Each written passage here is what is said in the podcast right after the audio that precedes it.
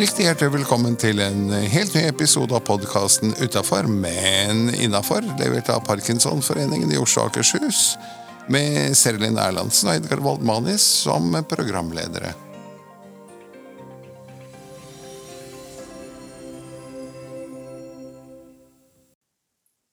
All right, ladies and gentlemen, we have Thomas Gisby on the line uh, this morning.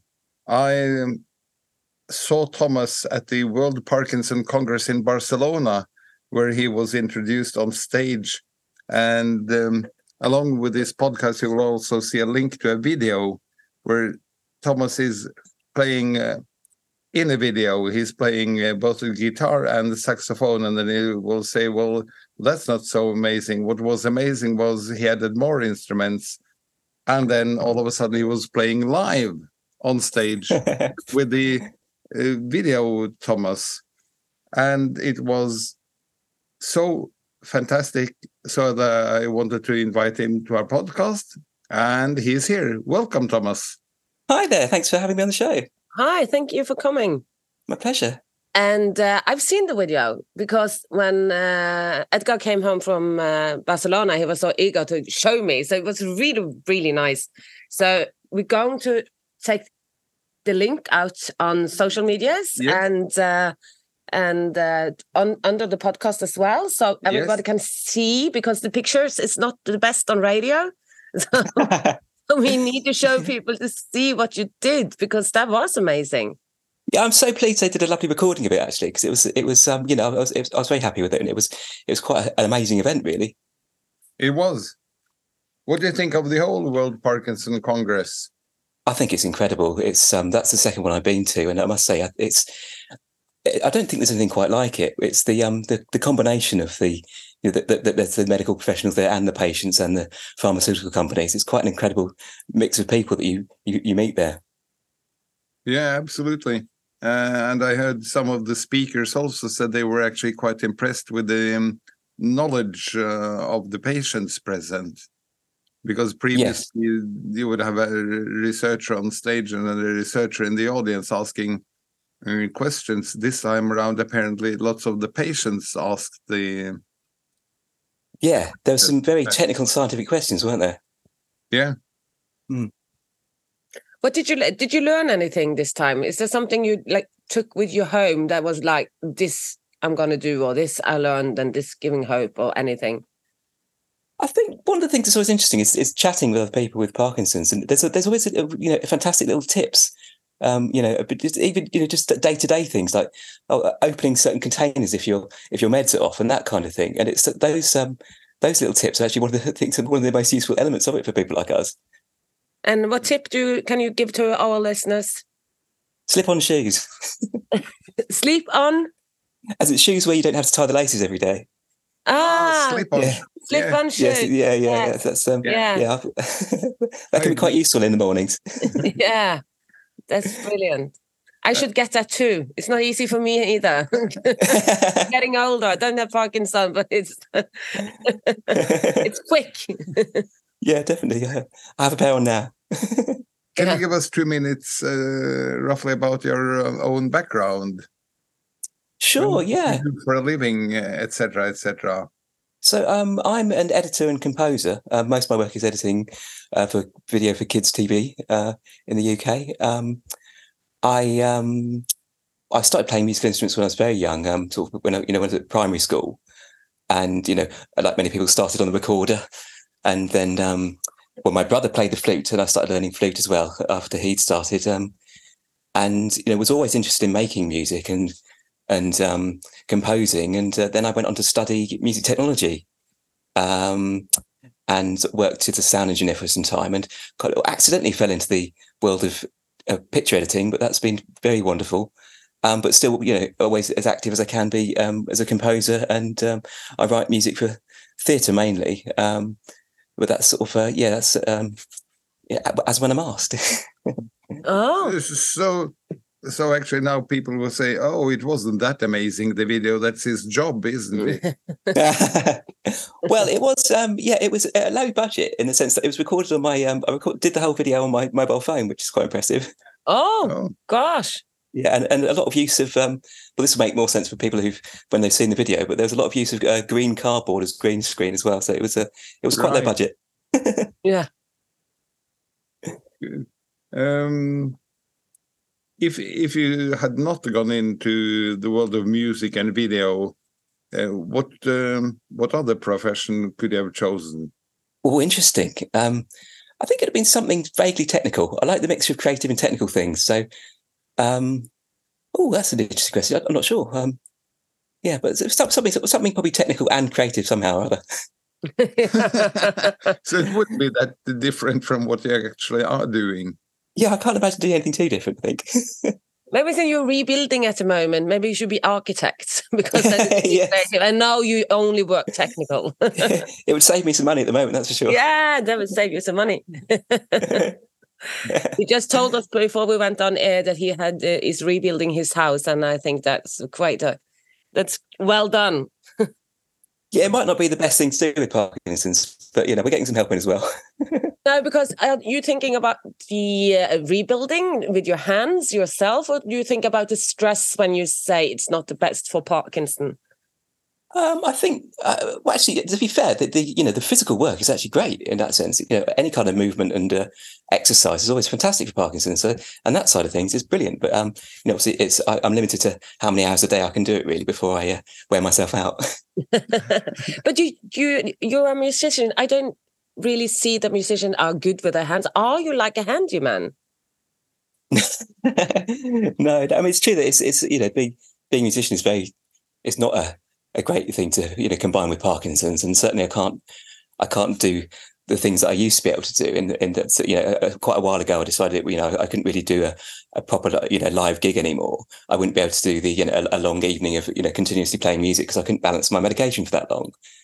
But um, it was nice to be invited to do the WPC performance because um, you know I had to think about it carefully. I thought, well, if, I, if I'm very careful with my medication timing, surely I can do a, a five minute stint, and it worked very well. So that was that was really nice to sort of yeah remind myself that it's it's still possible. Yes. But but is uh, five six minutes about the max you can do? Uh, no, I think I could. Uh, I think I could do a little bit longer. In fact, I'm hoping to be able to be a bit longer because I've got a uh, repeat performance with something else as well coming up in uh, next month with Parkinson's UK. So um, that'll be uh, that'll be exciting. Oh, what you got um, with the Parkinson UK?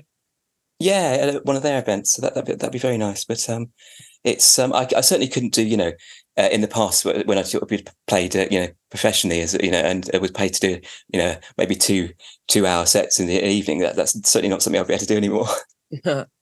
you got the Parkinson diagnosed at age 33, is that correct? That's right. Yeah, just over Yeah. nine years ago now. So it's, it's been. It's So been you had it for nine years. Okay, uh, Yeah. can you tell us a little bit the diagnosis? How did you get it? How did, did you know it? How is it in England to get it diagnosed?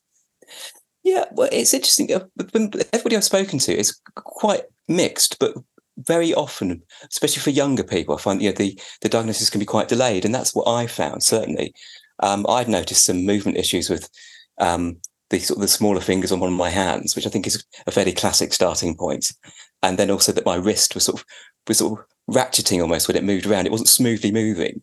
And so I went to the GP about it, and they told me not to worry Yeah. Oh. and um, and uh, and then sort of you know it, it not improving and and you know, gradually getting a bit more complicated. I went. I think maybe by the third GP I saw, they decided to refer me to a neurologist. And Yeah. by the time I saw the neurologist, I think that's we that's probably about two years after I first went to the GP about it.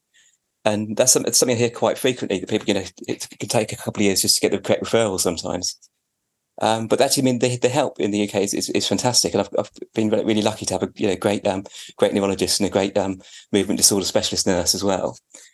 yeah. Um, so that I'm very grateful for that, really. But uh, yeah, the it's it's interesting, you know, how how long it takes to you spotting symptoms initially to actually getting the Yeah. diagnosis. Yeah, So you, how long? So you had noticed it two, two years before you got to diagnose. yeah, definitely when I was around 31, I think. Yeah, and then then you start thinking actually what what other things might have been to do to do with that that happened earlier, even. But it's very hard to sort of attribute those things in, retrospectively. I think. Mm. So how? But, but, but it's going to be hard to beat Sara Riggare. Um, I'm sure you met her at the WPC. Oh yes, yes, yes, wonderful. Yeah, And she had her first symptoms at age 13 or so. Yes, and then there's Matt Eagles, who was well, I think he was diagnosed at seven as well. I mean, Yeah. it's, uh, yeah, they're both uh, inspirational in the way they've dealt with it through their lives, aren't they? It's, I think that's um, Mm. we've all got a lot to learn from them, really. I think. But when you got a diagnose, how early do you get on medication? How early do you get? Do you get have a like an system in the UK for how to learn about Parkinson, where you can go, what you need, what you is there like in Norway? You starting to do that with something called What? Parkinson Net? Parkinson Net, yes. Okay. You haven't got that in uh, the UK yet, have you? No, what's that? Parkinson Net is um, a Dutch um a Dutch idea uh, coming from um, Bas Bloem, you know, one of the Oh yes, yeah, of yeah, ending Parkinson's disease. absolutely. a colleague set up a system. That's the word I was looking for. Uh, they set up a system in uh, the Netherlands back in, I think, 2012, 2014, something, where you uh, get the physiotherapist, the speech therapist. Uh, Ergo. Is it uh, ergo? Ergo therapist? I think that's the English term, yes. And um, what do we call a Parkinson nurse? And Yeah. get them all into the same network, where then they uh, explain to each other. I mean, the the speech therapist is training the physiotherapist in in what happens with your voice uh, down the road when you have Sure. Parkinson's, and vice Fantastic. versa. The physiotherapist again educates the the speech therapist. And we also are under one link. So if you get diagnosed, you can go and see who's specialized in your community. So if you need, yeah, so if you need speech therapy or just want to know about it, you can call or you can book an hour uh, a session. Yeah, Yeah, I mean the, the NHS help that I've had has been fantastic with the um, uh, and you know, they they uh, that that team of people that have seen me seem to be very well. They, they communicate with each other very well, but I think it does depend on where you are in the UK. To be honest, I know of people who haven't even had access to the Parkinson's nurse, which surprised me a lot when I first heard that because that's someone that's a, a, a contact point for me in terms of just information and uh, uh, and sort of advice about medication that's been invaluable. I would say. Yeah.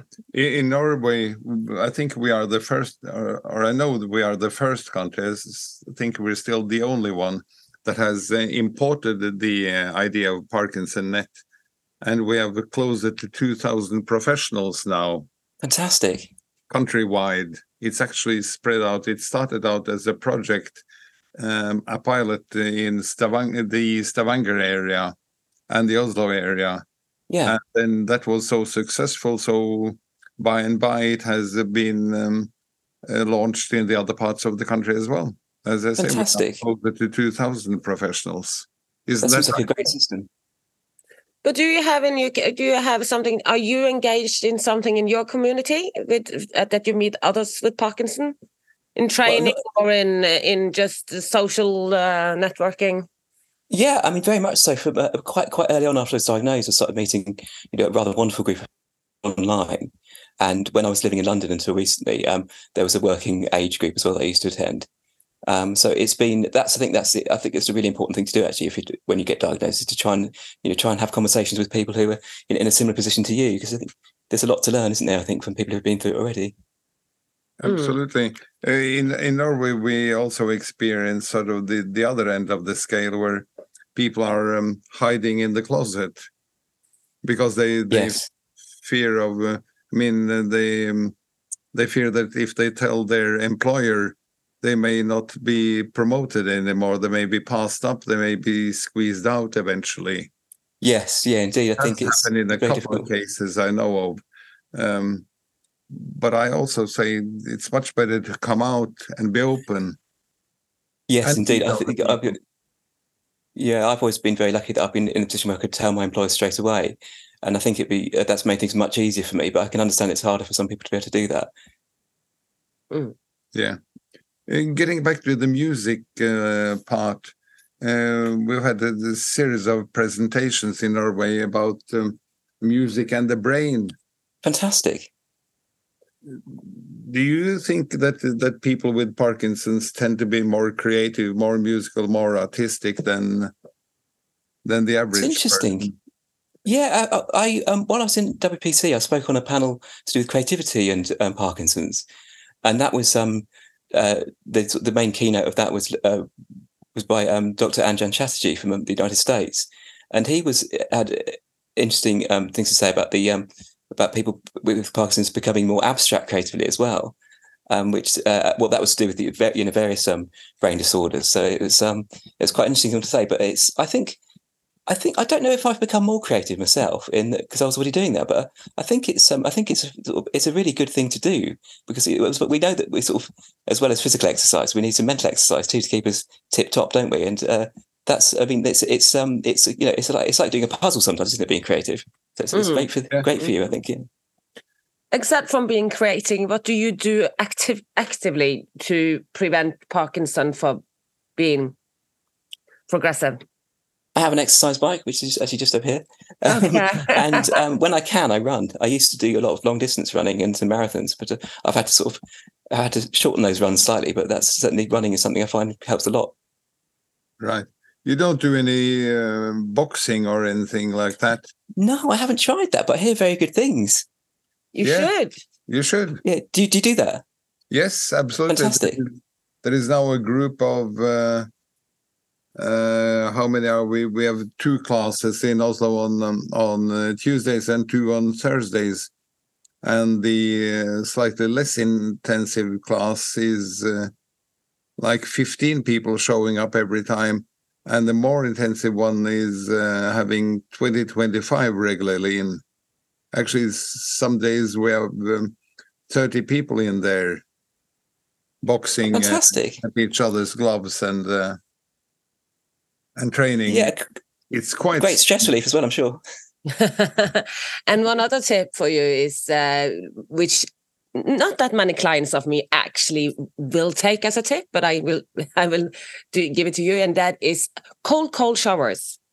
Oh, what, really? Yeah, from thirty seconds to one minute, and then you take it longer because you just read about it, what it does with your brain, and how the dopamine and serotonin is coming. So interesting. Cold showers that sounds. Yeah, I think I'll have to be very brave that day to try that. But yeah, I'll, I'll, try and give it a go. Because we live with the fjord, so we I go ice bathing all the time, and I know that is really good for Parkinson's. Oh, fantastic! Well. Uh, but you can do it in your own house. You can do it. So cold showers and uh, start with ten seconds, and then you go uh, longer and longer, and maybe up, up to one minute, and you will notice a difference in your body afterwards. Just wow. Yes, I'll, like, I'll, build up to it. Yeah. you, will, you will experience a difference in your body afterwards. It's when they put you in the coffin. then I'll be still. There's no movements. Oh, it's um, fantastic. I remember when we um, when we met down in Barcelona um, you said you'd actually been to Norway a couple of times. Yeah, I've been a few times. Yes, I think it's a, it's a it's a beautiful country. It's a wonderful place. But um, I've, yeah. I've, i performed in I performed in Norway as well. Uh, the and I think it was in 2009. I performed in uh, just for a couple of evenings in a in a show when I used to sort of perform as an acting musician. So you know, sort of uh, performing in a in a theatrical show, but with instruments on stage, and that was in Lillehammer.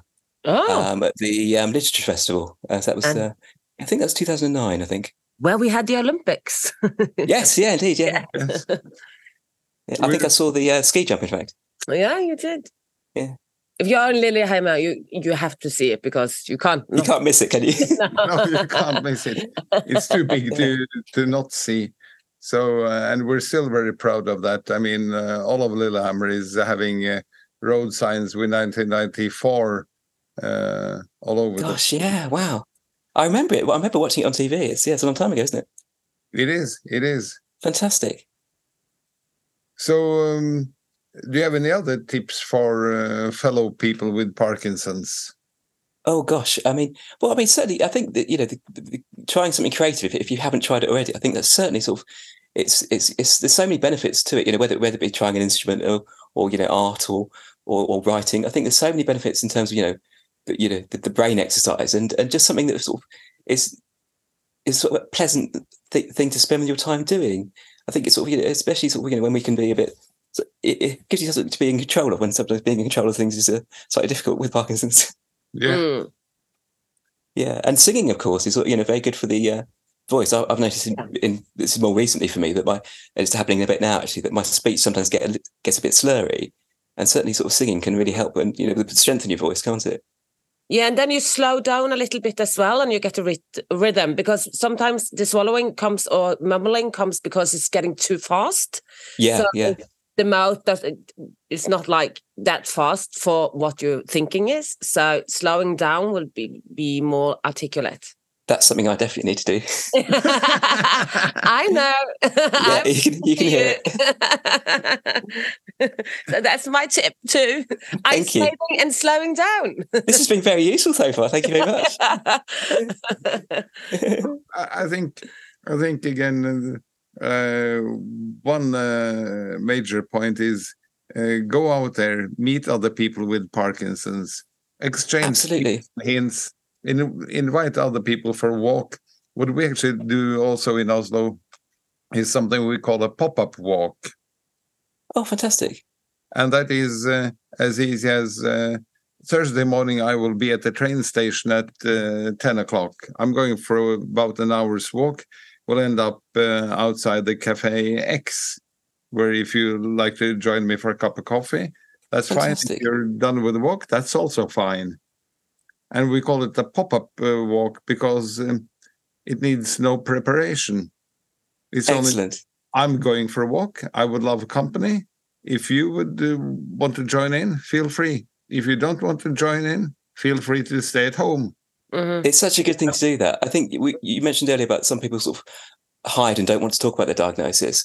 And I think that's a shame because I think events like like the one you mentioned there about the pop up walk, and even attending events like WPC, um, it's it's it is a slightly sort of polarized um, group of the you know, people with Parkinson's that go to it. That those it's those that are happy to talk about it, and those that are happy to say yes, you know, I have Parkinson's. And it's a shame because I think sometimes the people that maybe don't attend would actually would might benefit from them from them most. Really having those conversations. That's so true. Absolutely. That's so true. Uh, So be uh, brave, everyone. the idea of the pop-up walk is, uh, as I said, no preparation because um, otherwise, when we have um, uh, membership meetings, etc., it is oh, who's going to speak? Oh, then we need a room. Uh, who's going to make the invitation? Who's going to uh, fix the coffee? Uh, the speaker needs a thank you gift after the speech. Who's going to go and fetch that? Uh, who's going to sit at the at the door, uh, noting down who's who's attending tonight? There is so much preparation going in. It's it kills a, uh, an It- able-bodied person, Mm. someone without Parkinson's, Yeah, be killed by it already, and we're sitting there having Parkinson's, and being, that's why we have the pop-up walk. See you ten o'clock at the station. Yeah. perfect. Yeah, I'll be there. Oh no, that's too far. Sorry. good, good, good. I think that's about it for today, Tomas. Many It's thanks lovely to talk for to you. joining us. Yeah. It's my absolute pleasure. Thank you very much. Thank you. I think I might have a lot more useful information than your listeners might do, but it's been great for me. Thank you. oh no. And uh, listeners, go in and Google or press the link to see the amazing work he did. Yeah. Yeah. Thank Good. you. Have Thank you a very nice much. day. Take care. Take care. Det var alt i denne episoden av podkasten Utafor, men innafor, levert av Parkinsonforeningen i Oslo og Akershus. Serlin Erlandsen og Edgar Waldmanis var programleder også denne gang.